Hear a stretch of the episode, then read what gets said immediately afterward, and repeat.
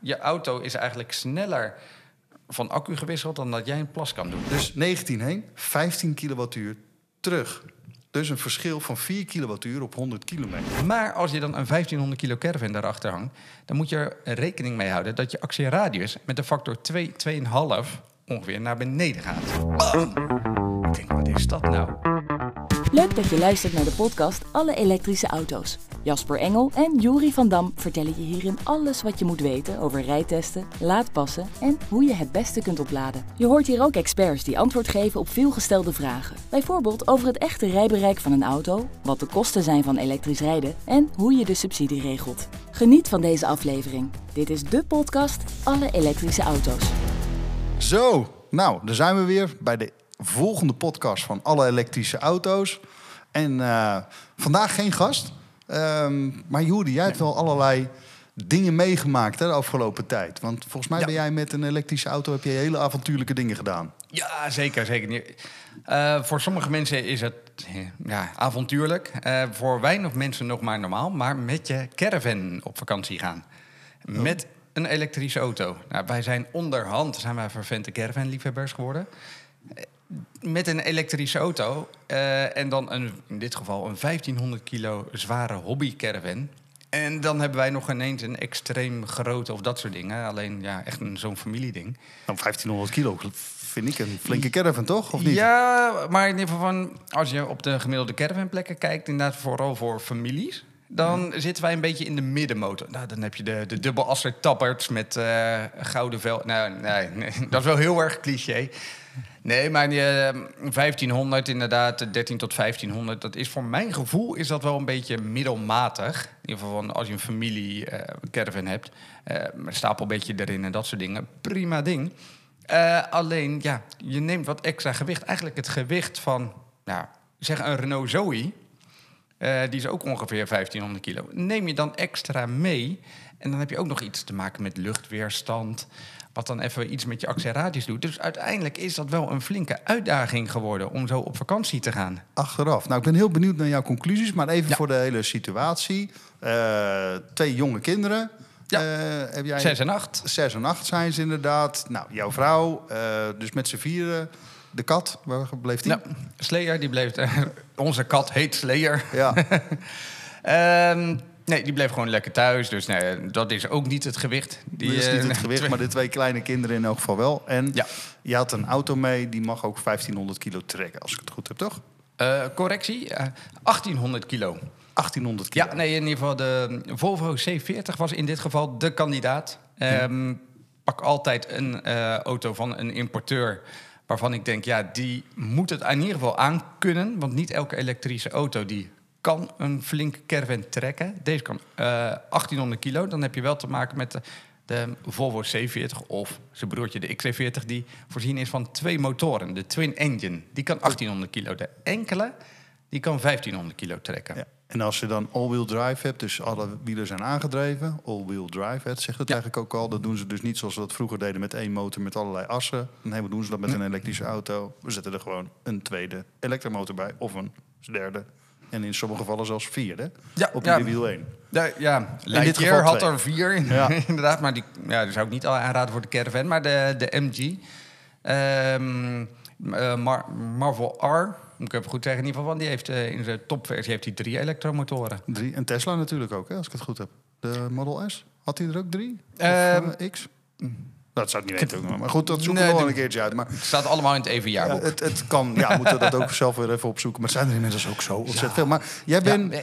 eh, vanuit jouw woonplaats, waar ben je naartoe Ja, gegaan? nee, Uden, het mooie Brabantse Uden. Ja? Eh, zijn we naar Normandië gegaan. Nou, eigenlijk officieel net even erboven Picardie. 400 kilometer gereden. Ehm, dan is het wel een flinke uitdaging. 400 kilometer. Maar dat is Ja. dus op één lading moeten kunnen doen, lijkt wel. Nou, normaal gesproken zou dat wel kunnen, als die caravan daar niet achter hangt. Oké. Misschien een leuk verhaaltje even ervoor. Eh, wij gaan met de caravan naar eh, Zuid-Frankrijk, eh, Noord-Spanje, et cetera. Geen probleem, zijn we al jaren gewend. Ik wilde vanuit mijn werk graag een keer de elektrische auto pakken. Mijn vrouw die zag dat nog niet zitten, in alle eerlijkheid. Ze zegt, nou, weet je, we gaan voor een, een tussenoplossing.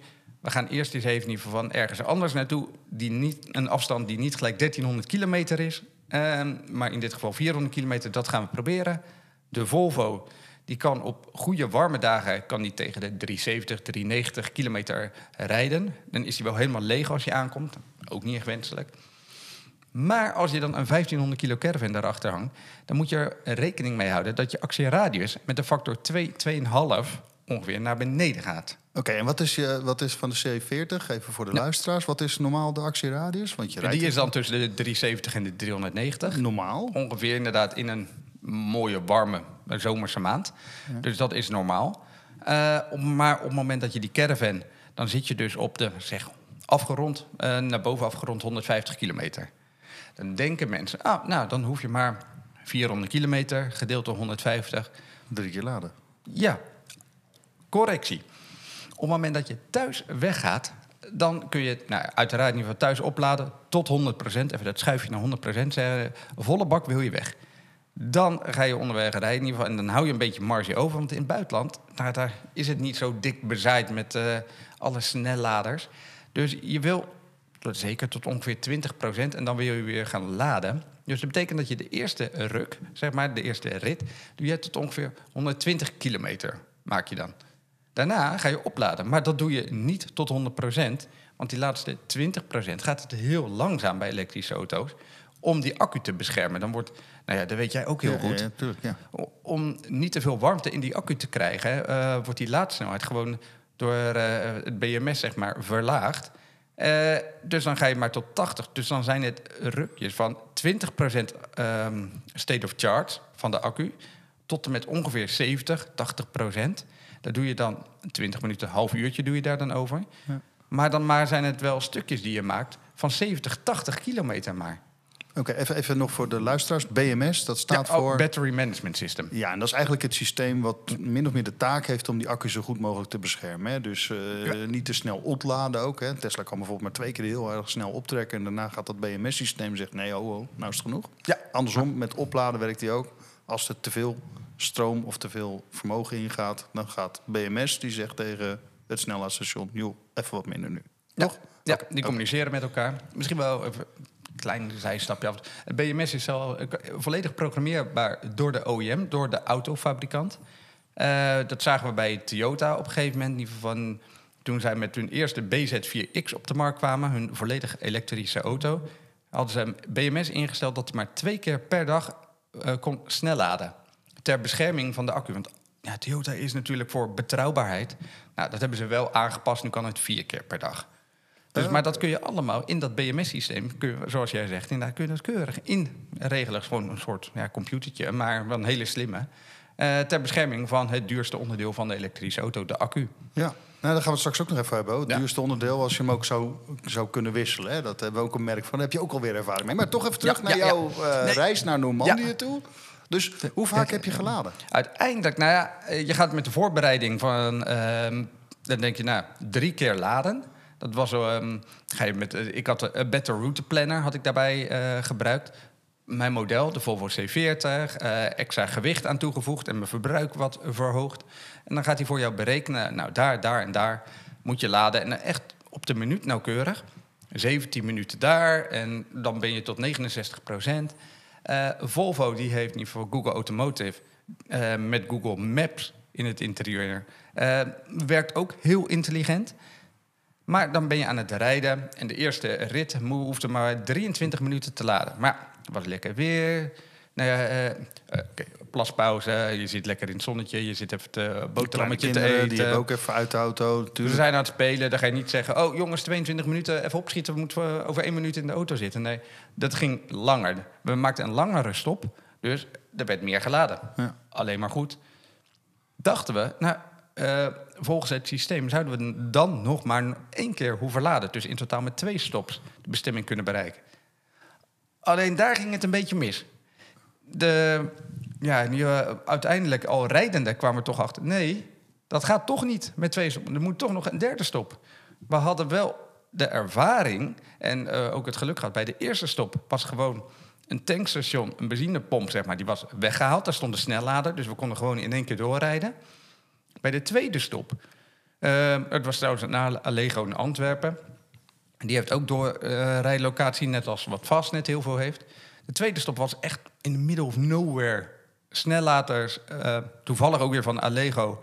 Maar eh, bij een uh, vrachtwagen rangeerterrein, zeg maar... moest je naar de wc, dan moest je even de Dixie gebruiken die daar stond. Oh, leuk met kleine kinderen. Ja, ja, nee, Oh, nee. dat... ja, ik zal maar niet zeggen waar zij geplast hebben. Het was niet in de caravan en niet in de Dixie. Nee, dat snap ik ook wel weer. Ja. Jeetje, ja. En, Maar dan nog die derde stop. En dat was toch wel het puntje. Want dan ga je kijken van, oké, daar staat er eentje. Nou, oké, met de caravan, niet zo manoeuvreerbaar. Ga je naar die locatie toe. En wat blijkt, was bij een kinderdagverblijf. Eh, ze waren gesloten, maar dus parkeerplaatsen waren gelukkig leeg. Maar dat was gewoon een openbare laadpaal. Nee, die wil je niet hebben. In ieder geval, dan kun je... een nou, je- openbare laadpaal, je bedoelt A- AC. AC-laden. Langzamer, 11 Ja. kilowatt. Wisselstroom. Volvo, ja, dan gaat het lang duren. Nou, natuurlijk. misschien, ja, misschien was het nog wel wat minder. Misschien was het eh, een eenfase. Je zat in België, maar wel met 7,2 kilowatt. Maar in ieder geval te langzaam. Je wil gewoon nou ja, geen AC, maar een DC gelijkstroomlader. Een snellader wil je hebben. De volgende gelijkstroomlader, de snellader, was helemaal geen snellader. Op de kaart stond hij het wel, maar dat was gewoon een privéhuis. Uiteindelijk komen we bij de derde aan, de Lidl. Die had, die, die, bij dat privéhuis, die had dus blijkbaar het linkje. Want je zag hem dus wel in de app. Ja, ja, En je kunt natuurlijk, als jij een laadpaal... Jij kunt jouw laadpaal thuis, kun jij ook gewoon... eh, openbaar vrijgeven. openbaar vrijgeven. En dan zien mensen hem dus in de app. Zo zag Ja. jij deze dus ook. Ja, inderdaad. En bedankt. eh, ja. En Mensen, en vaak is het wel heel mooi en simpel geregeld. Is het maar een vinkje. Ja. Ehm, en dan wordt die gelijk over heel veel platformen wordt die gedeeld. Ja, dat vinkje, dat eh, hadden de mensen ook even aangezet. Hmm. Dus daar gingen we voorbij. Ja, en dan zit je hem toch wel te knijpen.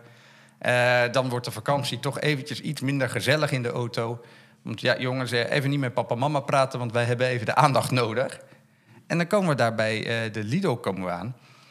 Daar staan snelladers. Maar ja, dan staan wij goed te kijken. En jongens, dan sta zo laag te turen van waar staan de snelladers? Hoe moet ik met mijn auto en caravan over die parkeerplaats heen rijden?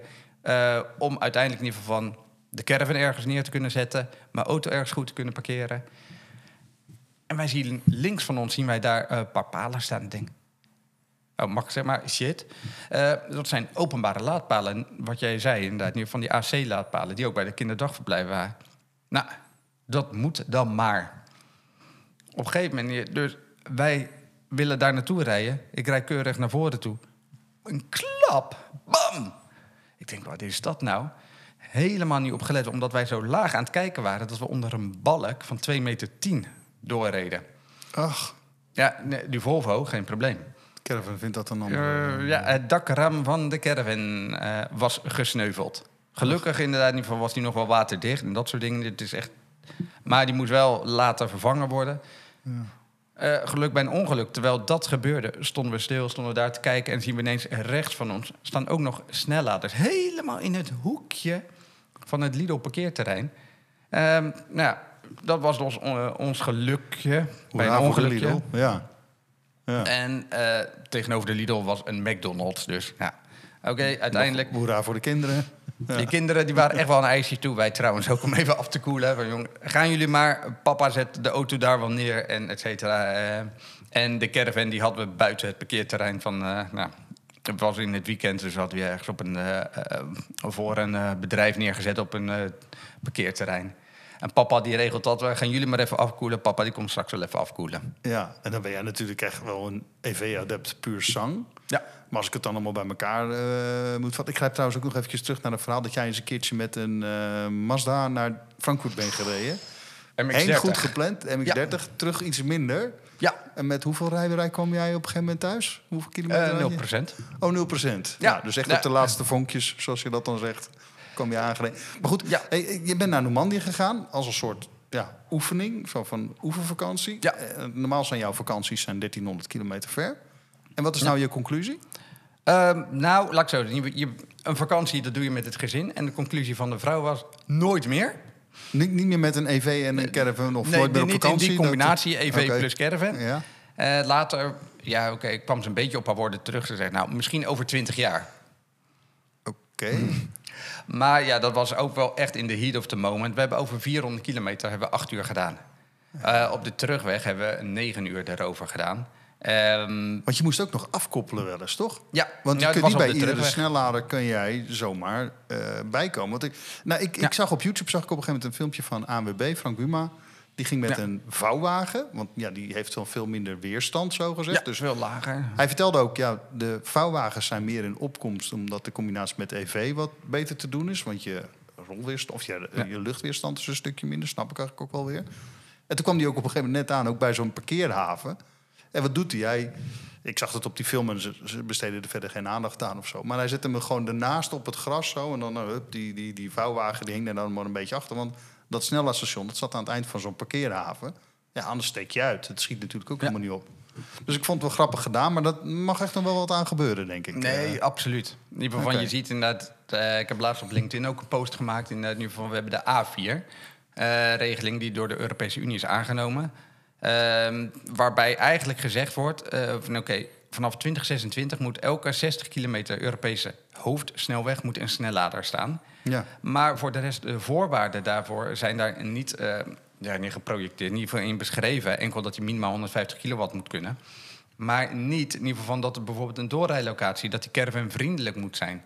Eh, hier in veel gevallen is dat niet zo. Dus, ja, En of ik heb een net zoals- een doorrijlocatie. Ja. Zoals Fastnet die eigenlijk altijd bouwt. Maar bij ja, de ja, ik heb wel niet altijd. een enkele eh fastnet heeft het niet, maar bijna alle fastnets hebben het wel. Ja, Luc vertelde toen van we proberen het wel, tenzij het echt niet anders kan. Dat Ten, was tenzij ze maar een heel klein plekje krijgen, inderdaad. En eh, ze zijn soms een beetje afhankelijk van de locatie. Ja. logisch. Oké, ook. eh, Maar dan is het wel wat Frank Buma inderdaad deed. Ja, als het rustig is, nou ja, dan pak je vier, vijf plekken. In ieder geval met caravan en vouwwagen of aanhanger. eh, pak je dan.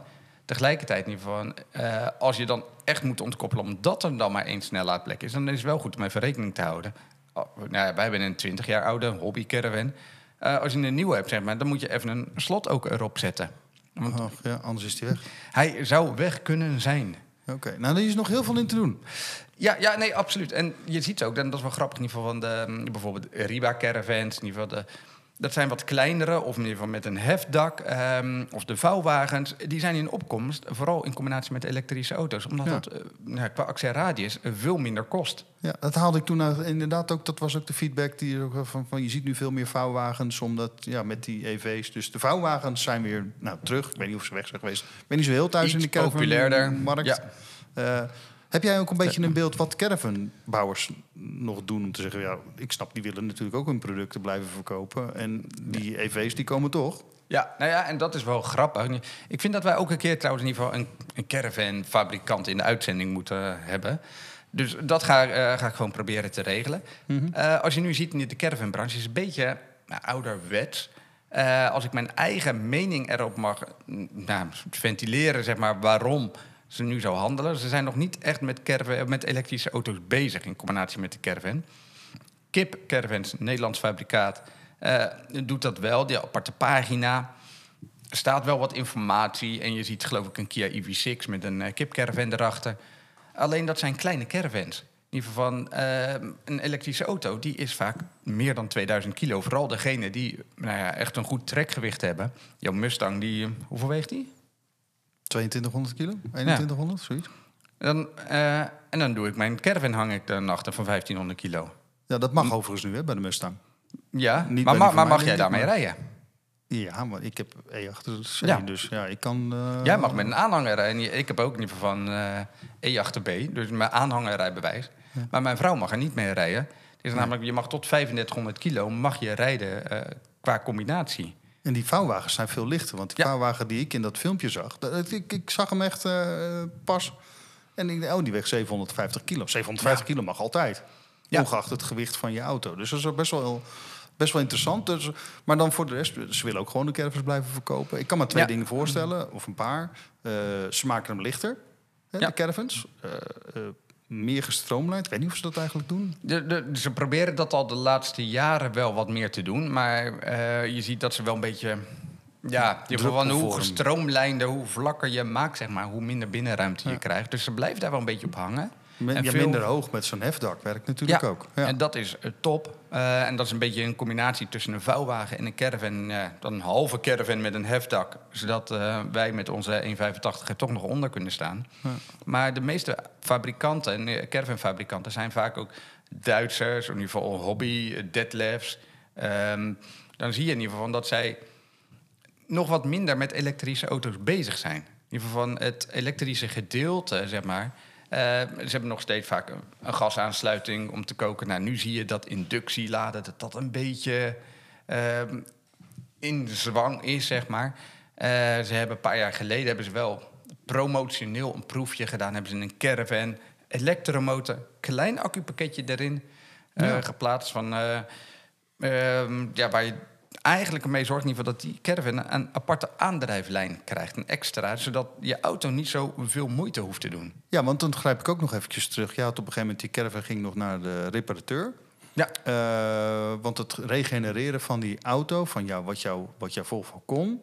eh, heeft er ook wel voor gezorgd dat je een bovenmatige slijtage had op de remmen van je caravan, toch? Ja, ja, ik heb nou ja, een paar jaar geleden ook even met de caravan gereden. En ik dacht, gaf eigenlijk eerst de Volvo de schuld. Sorry, Volvo. Ehm, elke keer als ik afremde, in ieder geval de one-pedal drive functie inschakelde. Dus dat je eigenlijk je rem niet hoeft te gebruiken, maar dat je alleen met je gaspedaal, zeg maar, als je die al een beetje lift, dat die al afremt. Ja. En Dan dan hoort- stroom teruglevert aan de accu. Ja, Ja, dat. eh, dat is de gedachte. Ja? En dan inderdaad met dat extra gewicht lever je iets meer stroom Mhm. terug. Alleen dan gaat hij in de oplooprem.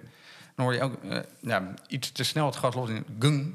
Die caravan voor je gevoel een beetje zo tegen die auto aanbonken. Die op, oprijrem eh, gaat, dan, eh, die, die, die, die gaat dan aan het werk. Ja, ja. En dat gebeurt Uit meer dan... Veiligheid. Dat gebeurt dan meer dan...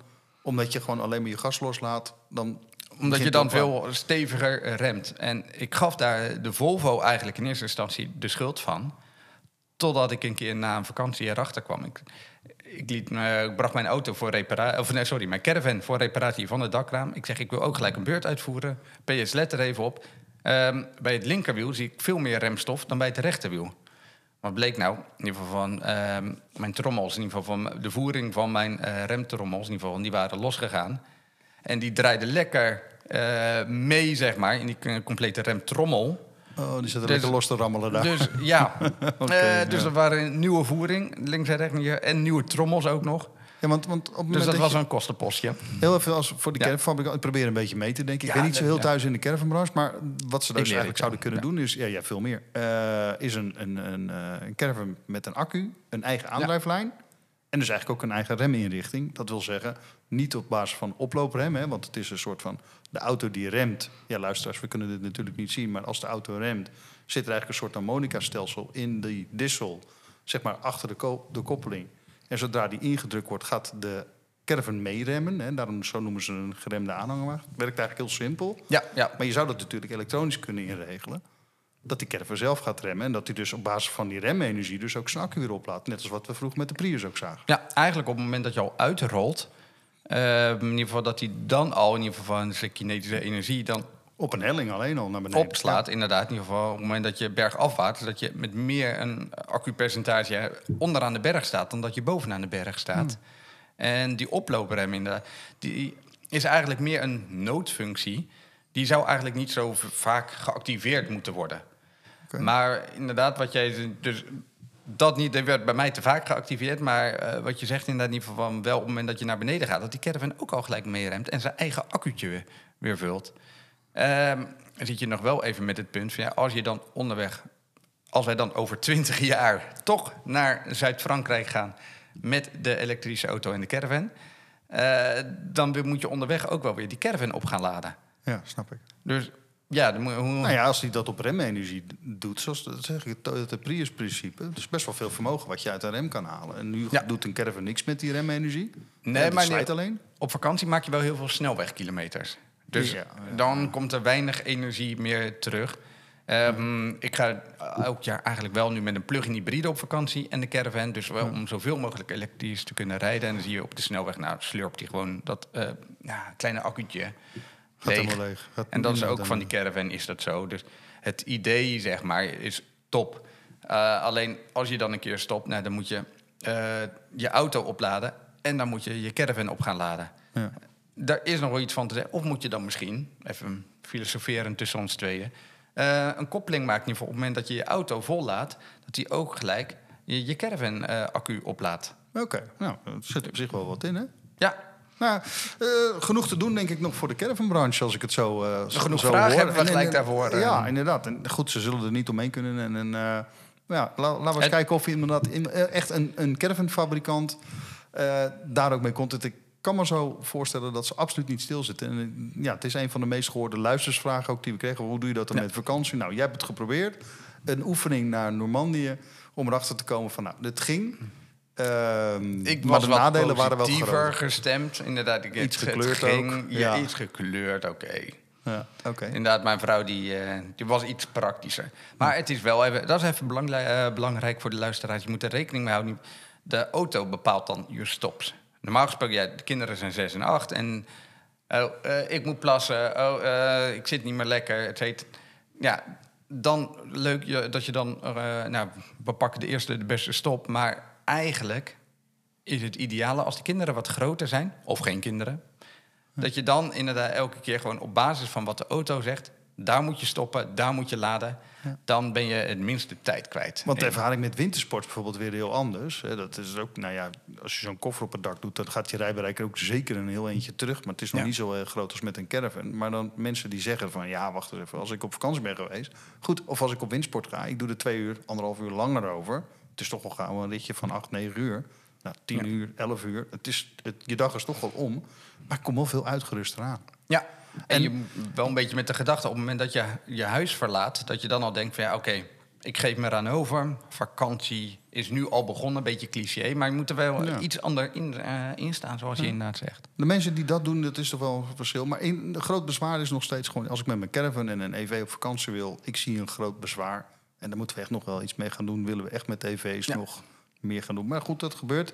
Dus we proberen dat voor de luisteraars ook op de voet te volgen. Ja. Zullen we ook gewoon zeker gaan doen. Op het moment gaan, dat dan eh, een fabrikant zegt, Jury, in ieder geval van... ik heb hier echt een EV-proof caravan... of eentje die er speciaal voor ontwikkeld is. Nou, ik offer me graag op en ik eh, ja. probeer mijn vrouw ervan te overtuigen... in ieder geval dat het wel te doen is. Wij komen wat vaker op glamping uit of een huisje al daar of zoiets. heb je weer geen caravan. Maar goed, dat, hoeft, dat, dat is Ja. natuurlijk iedereen op zijn eigen manier vakantie. Hey, en ik, ik wil eigenlijk ook nog even vertellen. Ik heb ook wat uitgeprobeerd. Ja, eh, dat hoorde ik inderdaad niet van. Maar met jouw Mustang in... eh, ehm, over het eh, verbruik inderdaad van. Jij hebt een beetje zitten experimenteren met een Mustang Mach-E. Ik moet altijd de Mach-E, moet ik er wel achter zetten. Nou, ik ben eerst eens in die prijslijst gaan kijken. En eh, Ja. daar staat gewoon allemaal keurig netjes ergens op de vierde kolom of zoiets. Staat eh, van de rear-wheel drive, dus een tweewiel aangedreven auto, tot aan de GT. En dat is dan een all-wheel drive. Nou, die heeft dan twee elektromotoren ook wel. Zijn overigens wel flinke jongens. Dus echt de allerbovenste en de onderste. En ze hebben allemaal energielabel A.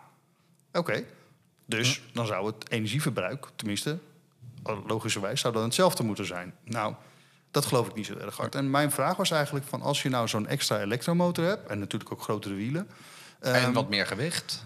en wat meer gewicht, want ik heb ook een grotere accu nu. En dus de, degene die ik had, was de rear-wheel drive... die had een kleinere accu, maar dus met meer rijbereik. Ja, want jij hebt met de rear-wheel drive gereden. Ja, een, een traject. Ik heb hem een week gehad. En ik heb hem echt, echt een keertje gemeten. Ik ging van Sint-Oederode naar Amstelveen. Eh, en dat is precies op een paar meter na is dat 100 kilometer. Dus dat is op zich, dat kon ik hartstikke mooi zien. En wat had ik verbruikt? Het was gewoon over de A2. Het was 25 graden. Het was windstil, volledig windstil. Op de cruise control. Op de cruise control gewoon 100 kilometer per Ja. uur of 105 zet ik hem meestal op in. Dan nou, zit je hopelijk altijd net een beetje onder de bekeuringgrens of zo. Maar echt niet harder dan dat gereden. En als er een keertje 90 stond, ben ik dat gaan rijden. Dat, gewoon, gewoon met het verkeer mee. 19 kilowattuur op 100 leek met de GT heen. Dat is op, ik zit denk ik gemiddeld op 20, 21, maar dat is het hele jaar door zo gezegd.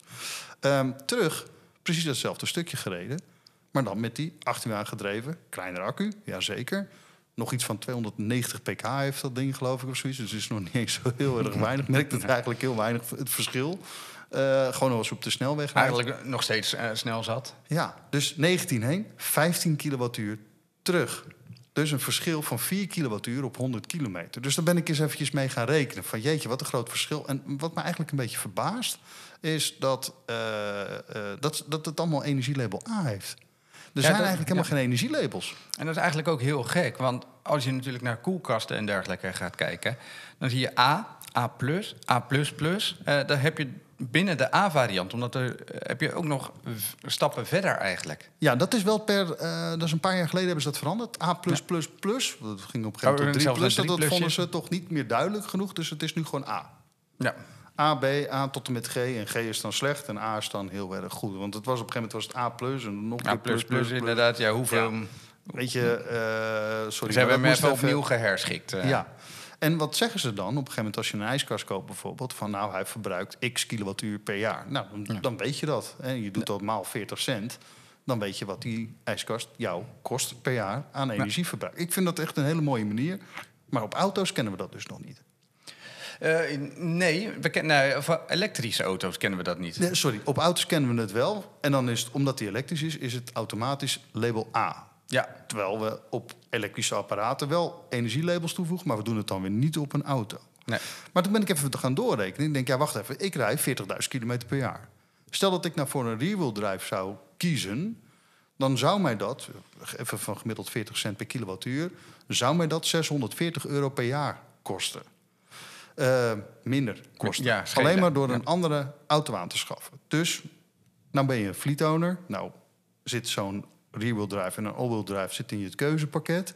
En je hebt toevallig 100 van die auto's rijden. Nou, moet je eens kijken hoeveel dat dan door, doortelt. Heb ik ook even gekeken van, oké, maar wat heeft dat dan voor invloed op het klimaat? Nou, op dit moment in 2022 stoten wij gemiddeld 272 gram CO2 uit per geproduceerde kilowattuur. Dus als je dat dan doortelt, denk ik, oh, over een heel leasecontract. Nou, ik zal het sommetje zal ik helemaal voor jullie besparen. Ik heb het uitgerekend, 2 ton CO2. De keuze tussen rear-wheel drive en een all-wheel drive, in mijn geval. Ja, ik vind dat nogal wat. Terwijl wij in de showroom gewoon, ja, heeft een energielabel A. We vertellen er niet zoveel over. Nee. En dat zegt natuurlijk ook wat over het rijbereik. Grappig is, ik was bij Ford en toen zei op een gegeven moment... ja, ja goed, joh, eh, Mustang. Nou, ik wist, hij mocht 750 kilo trekken. Nee, nee, dat is opgerekt naar 1000 kilo. Nee, dat is ook niet meer waar. Het is 1500 kilo geworden. Moet je wel de grote accu hebben. Ja, en maar het leuke is in ieder geval van, ze kunnen dat wel achteraf zijn ze met RDW bezig. Eh, om dat aan te passen alsnog op jouw kenteken. En dat is, Ja, klopt. en dat is hetzelfde Dat is eigenlijk. We hebben een keer een eh, uitzending gehad met iRace, met Jan Nichten.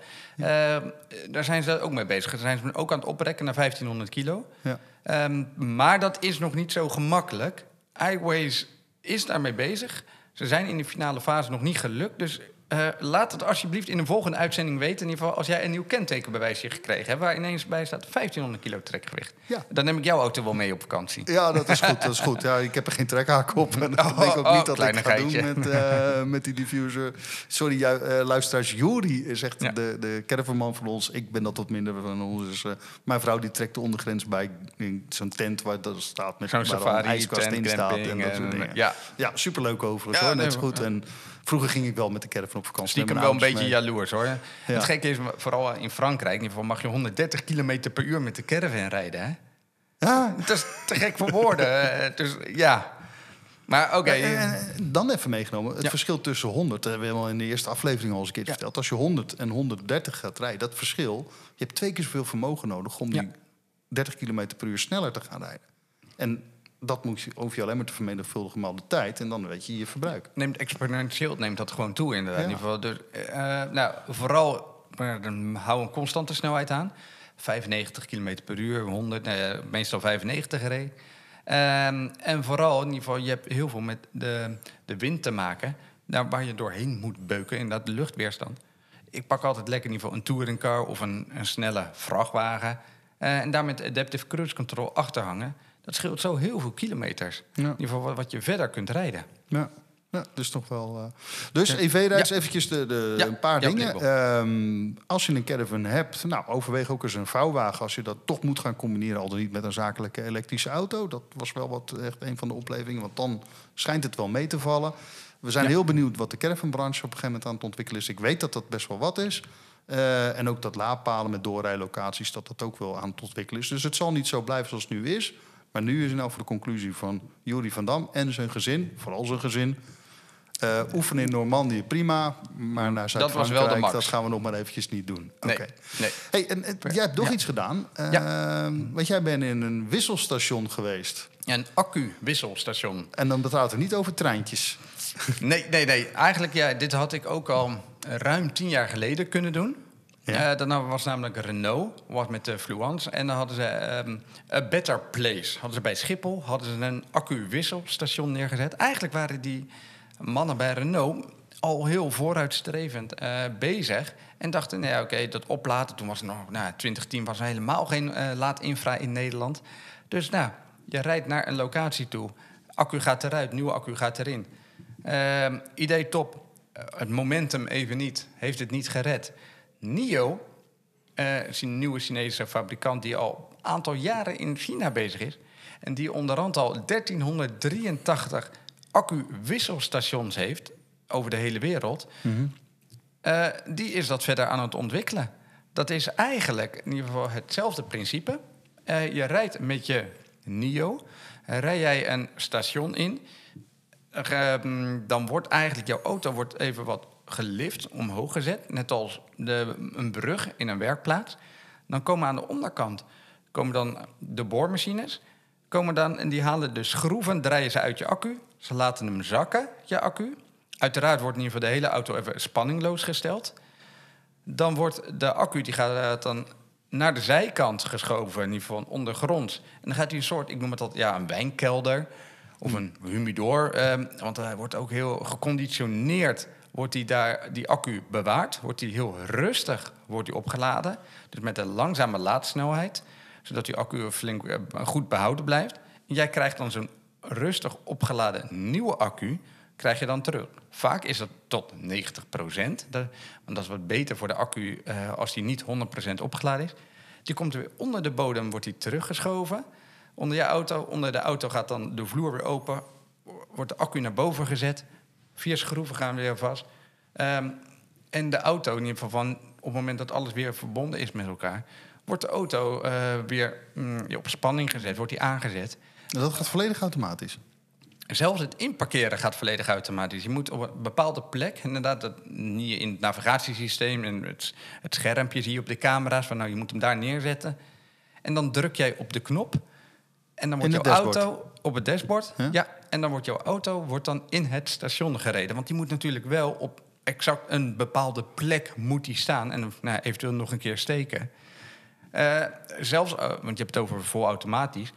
Je kan ook al van tevoren aangeven als je in je navigatiesysteem van hé, hey, ik wil daar wil ik gaan opladen en ik heb een eh, dat accupakket heb ik nodig. Dan kan die daar ook al rekening mee houden.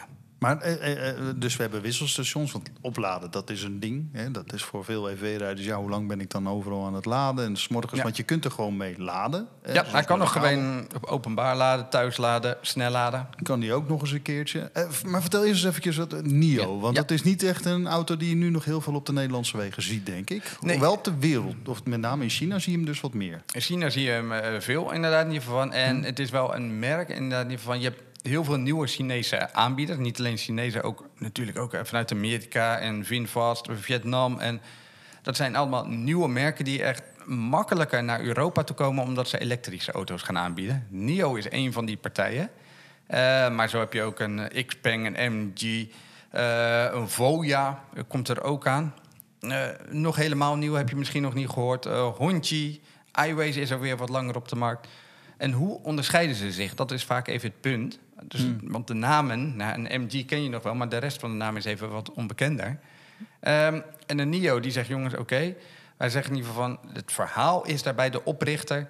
Ehm, en die had zijn centjes goed verdiend. En die keek vanuit zijn appartement naar buiten toe. En met een kleine op de achtergrond. En hij denkt, ja, zit ik hier in China met allemaal smok? Hij zegt, nee, dat moet niet. Blue sky is coming. Dat is hun marketingleuze. Dat, Hij zegt, ik ga ervoor zorgen, in ieder geval van dat wij met onze auto's, zeg maar, ik ga auto's op de markt brengen, in ieder geval van die beter zijn voor de wereld, waardoor we minder smok hebben. Of dat hij vanuit zijn appartement naar een blue sky kan kijken. Nou ja, kijk, het, is wel zo dat eh, rijke mensen eh, tegenwoordig allemaal ook luchtreinigersapparatuur hebben. En Omdat Dyson het gewoon heel eh, slecht is daar. Ik ben nog in Ja. Cairo. Nou, dan wil je niet langer dan drie dagen zijn. Vanwege die uitlaatgassen. En volgende Nee, aflevering gaan we het een keer over Los Angeles hebben. Dat is misschien wel een stad waar heel veel mensen komen. Echt een heel groot probleem. Niet nu. Maar die, die, die vervangen... Oké, goed. Hij zegt, nou, we moeten de weg... eh, maar dat, eh, we moeten eh, schoon, we moeten elektrisch. Maar dat zegt Elon Musk ook. Ja, Hè, dat ja. is... Maar goed, Alleen de terug- manier waarop, de weg daar naartoe. Ik heb in zo'n NIO gezeten, stond hier op de IVA toen. eh was dat, zat zo'n heel raar ding boven de voorruit. Vond ik ook wel heel interessant. Ja. De LiDAR. Nou, Uh, ja, inderdaad. eh, De verkeerstoren, zeggen ze. De verkeerstoren inderdaad. Dus, eh, Drie camera's, eentje in het, ja, of sommigen zeggen drie puisten eh, op het dak. Ja. Eh, maar het is eigenlijk gewoon in ieder geval van de, de uitkijktoren inderdaad. In ieder geval van twee aan de zijkant, eentje in het midden. Ehm, dat is de technologie die ze gebruiken. Het is eh, ook wel weer een beetje net als Tesla, technolo- eh, technology-based. Autofabrikant. Ja. Eh, dat merk je ook in ieder geval aan de computerchips die ze gebruik, eh, gebruiken, zeg maar. State of the art. Snel werkt het. Het vermogen, maar het audiovermogen ook op 1000 watt. Ze maken echt wel ehm, ja, cijfertjes, die produceren ze die heel goed staan in de brochures. Inderdaad, veel vermogen, ruim 500 pk. Eh 1000 watt van geluidsvermogen. 1000 watt. Eh, ja, Oké. Nou ja, dan kun je, Ik nog moet met de eerlijk zeggen, gehoorbeschadiging inderdaad eruit niet op- stappen. Ja. Oh, misschien is het dat boven een bepaalde grens hoor je het verschil. En het is niet alleen natuurlijk eh, de kwantiteit, het is natuurlijk ook de kwaliteit. 1000 watt. eh, het klonk niet als 1000 watt, maar het klonk goed hoor. Maar Ja. ik, Ik met heb 1000 erin ge- watt. Ik heb in die auto gezeten. verwacht. Het is echt een premium auto. Ja. Hij is groot, hij is ruim. Het dashboard ziet er gewoon echt heel mooi afgewerkt uit. Eh, dat ding erbovenop heb ik nu toch zitten kijken. Ja, en en Eh, op het dashboard heb je de Nomi. Ja, dat is dan zo'n lachend dingetje. eh, ja, zoiets. Ja soort, wat je vroeger... De ik moest gelijk bedenken aan de Tamagotchi. Zeg maar, zo'n Ja. zo'n eitje, zeg maar, wat je Ja. dan moest verzorgen. en dit is dan Nomi. En die kijkt dan met je mee. In ieder geval van... Die kan eh, smileys trekken en zo. Hè? Ja, En, en, oh, wat leuk, Ehm, op het moment dat jij rijdt in ieder geval van, en jij zegt wat, dan kijkt hij jou aan. Ik zit ernaast in ieder geval van, eh, hey Nomi, nou op. Draait hij zijn gezichtje naar mij toe. Echt, ja, een grote pingpongbal, eh, een baseball eigenlijk. Ehm, en op het moment dat je een liedje opzet, inderdaad geval van, dan heeft hij ineens een gitaartje in zijn hand. Het is grafisch, ziet het er leuk uit. Het, Het is, leidt totaal niet af voor de chauffeur. Nee, je kan hem gelukkig ook zonder bestellen. Maar daar, daarom heb je ook LiDAR. Dus dat Ja, is, eh, nou ja, dat is ook wel een heel dingetje. Nou, in ieder geval van met de huidige technologie heb je... Ja, ja, eh, word je eerder verveeld zeg maar, in zo'n auto. Nou, zo'n Nomi helpt je daarbij. eh. Help, help je. Maar, daarvoor koop je niet zo'n Nio. Jij, bent, jij hebt dus echt die wissel gedaan, zeg maar, Ja. bij, bij NIO. Hoe, hoe lang duurt zo'n wissel? Vijf minuten. Vijf minuutjes. Dus Ja. vanaf het moment dat je daar zet en dat je hem daar... Oké, dat is best wel snel. Het is eigenlijk gewoon, ze zeggen, nou, vergelijkbaar in ieder geval met tanken. Ze, hebben hun, ze hebben nu een aantal eh, wissels, swapping stations, moet ik officieel zeggen. Accu-wisselstations gewoon op zijn Nederland. Eh, in Nederland geplaatst, vaak wel natuurlijk strategisch, ook langs de snelweg. Eigenlijk de momenten in ieder geval van dat je vaak wel een accu-wissel kunt gebruiken. Ja. Als je ergens in de stad staan er genoeg laadpalen, maar langs de snelweg eh, van de Valk heb ik er een paar ook gezien. Ehm, en dan is, gaat het net zo snel als tanken. Dus even een kop koffie of... Nou, je auto is eigenlijk sneller van accu gewisseld... dan dat jij een plas kan doen. Ja. Mijn vader die ging een keertje bij Volvo kijken, XC40... en die verkoopadviseur die zei... eigenlijk is dit gewoon een, twee apparaten die je koopt. Dat is een auto en een accu. En de accu is nu ineens dus eigenlijk een heel ander apparaat... want die kun je Ja. eruit halen. Ja, Hoe doen ze dat financieel? ja nou, maar dat is wel het punt namelijk, in ieder geval financieel. Eh, je kan namelijk alleen van die swapping stations gebruik maken... op het moment dat je de accu huurt. Eigenlijk wat de Renault met de Zoe ook deed. Ja. Komen we weer Ja. bij Renault uit. Waren die jongens eigenlijk eh, er goed Ja, ze waren hartstikke goed. Ja, ja, ja. Nou ja, waren, klinkt verleden. Ze zijn eigenlijk hartstikke goed. Maar ze hadden wel een- misschien te vroeg. eh Ja. Ja, de battery kan ook een keer. Eh? Renault. Zoe kun je niet meer, voor mij niet meer de accu huren, jammer. Maar eh dan zie je wel in dat geval, eh, op het moment dat je die accu huurt, dan pas kun je gebruik maken van het swapping station. En dat snap ik ook wel, want op het moment, ja, je krijgt dan namelijk een, en de refurbish klinkt, je krijgt namelijk een ander accu-exemplaar, krijg je terug. Dus je bent namelijk geen eigenaar van de accu. NIO blijft eigenaar van de accu en je mag het ook als je accu wisselen. En dan is dat wisselen tussen een 75, een 100 en in de toekomst een 150 kilowattuur accu. Jeetje. En die passen allemaal in diezelfde buizing. Ja, ja. Eh, Oké. dat is een. een nou ja, elk, elk voordeel heeft zijn nadeel. Ja. Zij ooit een eh, bekend voetballer. Maar het is namelijk zo. Eh, het is wel aan bepaalde afmetingen gebonden. eh, zegt NIO ook, wij kunnen niet een model gaan leveren à la eh, Golf ID3, ehm, of sorry, Volkswagen ID3, eh, want daar past ons accupakket wat wij wisselen in de stations past daar niet in. Die schroeven, die moeten altijd wel op bepaalde afmetingen zitten en de grens zit nu tussen 75 en 150 kilowattuur. Dan is het leuke eigenlijk... Nou, ik moet ook eerlijk zeggen, wij thuis... Nou, oké, kom even op het caravan-verhaal. Ik zoek thuis een privéauto uit die voor die enkele keer in het jaar mijn caravan kan trekken. Dus ik kies mijn auto daarop uit. Eh, Het grootste gedeelte van ja, het hele jaar rij jij met jouw elektrische auto met 75 kilowattuur accupakket. Perfect. Kom je overal. Alleen op het moment dat je op vakantie gaat, dan zeg je nou oké, ik wil wat langere afstanden kunnen maken. En dan zeg je nou, dan wissel ik hem even voor een 150 kilowattuur accupakket. Betaal je even wat meer voor. Eh, en daarna wissel je hem weer eh, terug na jouw vakantie voor een 75 kilowattuur accupakket.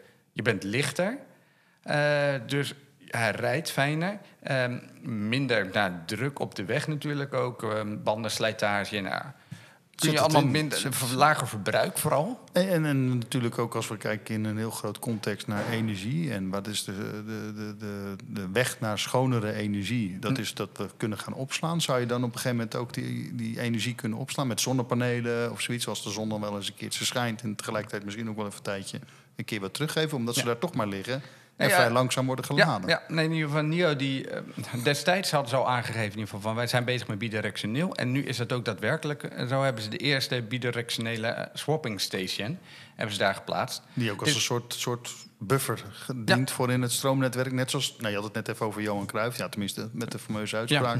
Die Johan Cruijff Arena. En waar we samen geweest zijn Waar we samen geweest zijn met die Nissan-accu's en die zonnepanelen op het dak. Die als een soort buffer in dat stroomnetwerk. In Amsterdam is namelijk dat probleem best wel groot. Eh, Ja. En dat werkt wel. En dat kan dan eigenlijk Dat is dan een bijkomend voordeel. En daar moet je, vind ik, ook wel gebruik van maken als fabrikant. Ehm, want als je kritisch bent, kun je ook zeggen van... hé, hey, er moeten meer accu's geproduceerd worden...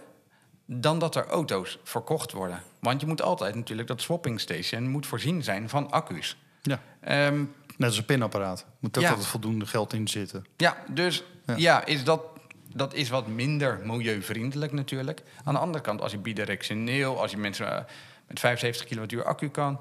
eh, voorzien, zeg maar, die enkele keer maar met een 150 kilowattuur... Nou, dan is dat ook wel weer milieuvriendelijker. Maar als jij heel veel accu's hebt, als je dat echt in de volume zet, dan heb je A, heb je die bufferfunctie kun je dus gaan bewerkstelligen. Tegelijkertijd kun je ook dus gaan laden wanneer bijvoorbeeld de zon schijnt, als je maar genoeg hebt. Ja, dus dat je op een gegeven moment gewoon kan zeggen, ja, maar deze is echt helemaal 100% met groene stroom is deze auto, deze accu opgeladen. En niet bam, hier heb je hem in. eh, Ja, en dat is gewoon minuten. langzaam opgeladen natuurlijk. Ze, nou, liggen, ehm, voor mij hadden, hebben ze twee stations van 10 en van 13 eh, accu's die erin zitten. In Europa worden voornamelijk die met, met 10 eh, worden die gebruikt. Mag ik, ja, ik, ik heb er geen beelden van, maar ik mocht even in ieder geval van echt in die eh, roulatie kijken, in die wijnkelder.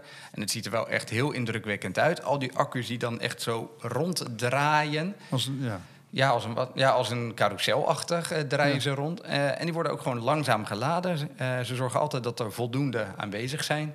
eh, die dan tot 90% opgeladen zijn. Maar ja, dan moet je dus ook wel drie verschillende types erin hebben. Ik- ik- En de Belastingdienst, die vindt daar ook wel wat van. ja, natuurlijk. En dan niet zozeer van dat accuwisselstation. Maar daar zaten we wel eens een keer over te debatteren. Eh, wij Nederlanders zijn natuurlijk wel eens een beetje de mazen van de wet aan het opzoeken. Nou, niet, niet soms of zo. Dat, Nee. eh, je probeert zoveel mogelijk, zo min mogelijk belasten. Dus ook je gewoon je grondrecht hebt. Ja, nee, ja, de overheid heeft het zelf gecreëerd. Hè. Laten we in ieder geval een 0% bijtelling. Dus fiscaal stimuleren we jou om elektrisch te gaan rijden. Ja. Eh, dus die fiscale, met fiscale hand word je altijd wel ergens naartoe geduwd. Ja.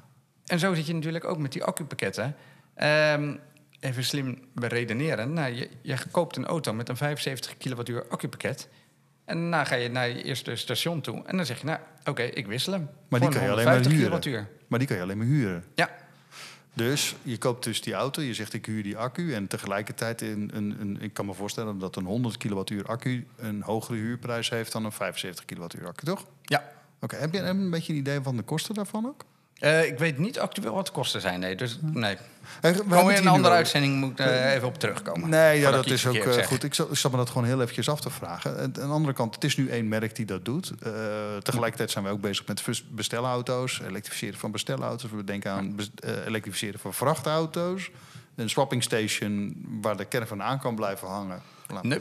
Dat is het nog niet, maar misschien gaat dat nog eens een keertje komen. Je hebt wel uh, niet swapping stations waar je door eigenlijk. een soort van drive-thru-achtig. Dus dat je de ene kant erin rijdt, accu, en dan de andere kant er weer uitrijdt. In ieder geval Van die, eh, die zijn er wel, maar de meeste die nu geplaatst zijn, zijn tegen de muur aangeplaatst. En dus erin en dezelfde kant er weer uit. Maar dus betekent ook even ontkoppelen. En ook voor de bestelwagens die het, eh, het aanhangertje met, ja, noem het waarop, me- mee hebben. Ehm, ze zijn misschien wel meer tijd kwijt aan het eh, of en, eh, af- en ontkoppelen... dan dat ze in ieder geval aan het swappen zijn. Ja. Nou ja, goed, het is toch wel. het- Goed, het heeft heel veel toepassingen. Maar met name bij bestellen bij vrachtauto's is natuurlijk tijd. Tijd is altijd ontzettend belangrijk. Eh, rijbereik en, en lage downtime. En die swapping stations, dat, dat, dat, dat zie ik nog wel eens een keertje wat in. Ik heb Ja. er eigenlijk nooit zo in verdiept tot wat jij me nu eigenlijk ook wel vertelde. Hoeveel mogelijkheden je er eigenlijk mee creëert. Eh, maar je moet Ja. natuurlijk qua infrastructuur ontzettend veel gaan neerzetten. Dus een swapping station, ja, die zul je ook niet voor, eh voor 20.000 euro neerzetten, denk ik. Nee, nee. En dan moet je het nog verzekeren en dan moet je het nog onderhouden. Luc Maar- Bronk vertelde al wat het is om, om alleen al al die vastnetstations allemaal eh, te onderhouden. Want alles wat je daar komt, ja, ze zien er allemaal nieuw uit. Maar dat, ze, zijn er natuurlijk niet, ze blijven niet nieuw. Dus je moet ze ook echt continu blijven Ja. servicen. En dat moeten zij natuurlijk ook. Ik heb een keer bij Fastnet, die, eh, die hebben gewoon echt een ploegje... Inderdaad, die gewoon alle stations langs gaat in ieder geval. En die snelladers poetst en eh et cetera. In ieder geval dat gewoon keurig bijhoudt en veegt en eh Het is altijd en- schoon daar. Ja, Ja. Het is schoon, opgeruimd. Ja, het is net alsof het helemaal nieuw is. zeg Ja, maar. Dat nee, is het natuurlijk niet. Maar Nee, ja. nee, maar in ieder geval, dat doen ze wel goed hun best voor. En dat moeten zij dan natuurlijk ook. En bij Maar de ze- NIO zit je daar ook mee. Inderdaad, in ieder geval dat moet ook. Bij de eerste NIO-stations, in ieder geval van in Nederland, die ze net geïntroduceerd hebben, komt dan een NIO-klant voor die voor het eerst gaat laden. Vaak is er dan even de eerste paar weken is er iemand van NIO aanwezig of hebben ze eh, een medewerker die daar jou even assisteert van oké, hoe gaat het nou zo'n eerste keer? We, we- we gaan hier ons nog wat meer... Gewoon het hele Ja. principe van accu's wisselen... op het gebied van EV, de toepassingen, de mogelijkheden die dat heeft... dat gaan we nog eens wat verder uitdiepen. Ja, en want dat vind ik ook wel leuk. En dat hebben we ook een keer ehm, de vraag ook gesteld in ieder geval aan uh, Helene Elbert, fiscalist autobelastingen. Ja. Want dat is de, eh, de accu. Op het moment dat je de NIO eh, koopt, de auto, maar de accu huur je. Wat is dan de bijtelling van de auto? Ja. Vinfast, die, eh, nou, ik was vorig jaar in Vietnam inderdaad om de Vinfast te testen. En toen zei het, nee, we doen alleen maar accu-huur. Oké. Eh, helemaal geen koop. Ehm, de Renault, nou, ik weet, eh, de Renault Zoe, die gebruik ik even als voorbeeld. Die kon je destijds eh, kopen en huren. En dan zeggen ze inderdaad, in ieder geval bij de Belastingdienst, van ehm, ja, leuk, maar die auto die jij koopt en de accu die jij huurt, jij kan die auto niet gebruiken zonder de accu. Dus jij hebt op jouw prijslijst heb jij een auto met auto koop en accu koop. Dus dat je het totale pakket koopt. Dat is de bijtelling voor de Renault Zoe. Dus ook al huur jij die auto, je betaalt de bijtelling voor de accu-koopprijs. Ehm dat zei ik destijds tegen Vinfast. Ik zeg, nou, ik ben nou wel nieuwsgierig. Op het moment dat jullie geen koopprijs eh, op de prijslijst zetten... wat wordt dan de bijtelling van de auto? Eh, het antwoord moet ik nog steeds schuldig blijven. Want Vinfast, nee, ja, ze hebben besloten bij Vinfast om ook accu-koop beschikbaar Dan toch te stellen. nog, ja. Ja. Ja, Aan goed. de ene kant voor de keuze voor de EV-rijden vind ik dat wel goed hoor. Dan blijf ik maar even bij de gevleugelde... Kijk, je had Johan Cruijff, die eh, met zijn voordeel en zijn nadeel... zei hij wat is. Helene Elbert, die zei op een gegeven moment... alles is belast, tenzij het tegendeel eh, eh, bewezen is. Hè? Dat Ja. is eigenlijk... Nou, oké, die mag je dan ook weer meenemen. Ja, en, en ook eentje van Helene inderdaad. Van over vijf jaar weet je pas wat je nu had moeten doen. Ja, dat is ook... Nou goed, dat weet je nog niet. Maar goed, die ontwikkelingen die zal de fiscus ook echt wel volgen. En er zal Ja. ook wel weer een oplossing voor komen. Want blijkbaar is dat toch een businessmodel... om gewoon te wisselen. Want bij NIO zit je dan nu niet accu-huur, maar nu verschillende accu's die je kan huren. Dus Ja. dat is dan weer het... Van, van opmerkelijke. 75 tot 150 en alles wat eigenlijk ertussenin zit. Ja. Ja. Dus ja, dat ben ik nog steeds wel nieuwsgierig naar inderdaad. In Nou ja, voor, voor caravanrijden in Nederland. eh, te- Overigens, als je ermee rijdt en ik weet niet, heeft hij een trekgewicht dat je zo weet? Dat je Oh ja, ja, dus kunnen nou, vooral de, Ja, die benamingen, daar word ik af en toe, daar krijg ik wel een eh, punt over van. Hè. Je hebt de NIO ET7, daar heb ik mee gereden in Duitsland, in Berlijn. eh. Ja. Ehm, NIO ET5 heb je nu, dat is een kleinere broertje. Een beetje Tesla Model 3, Xpeng P7 ehm, tegenhanger. Xpeng P7, weet iedereen Oh ja, meteen de ook wat het is. P7. Ja, nou, de Tesla, Model 3, die weet iedereen. De Opel Ja. van, eh, van, van, De van deze eeuw. P7, G7, eh, G20. eh. Ja. Nee, en niet maar dat de Opel dat is- Kadett slecht is of de Tesla slecht is, maar je ziet hem gewoon heel veel. Ja, ja, ja, dat is ook... mm. Ja.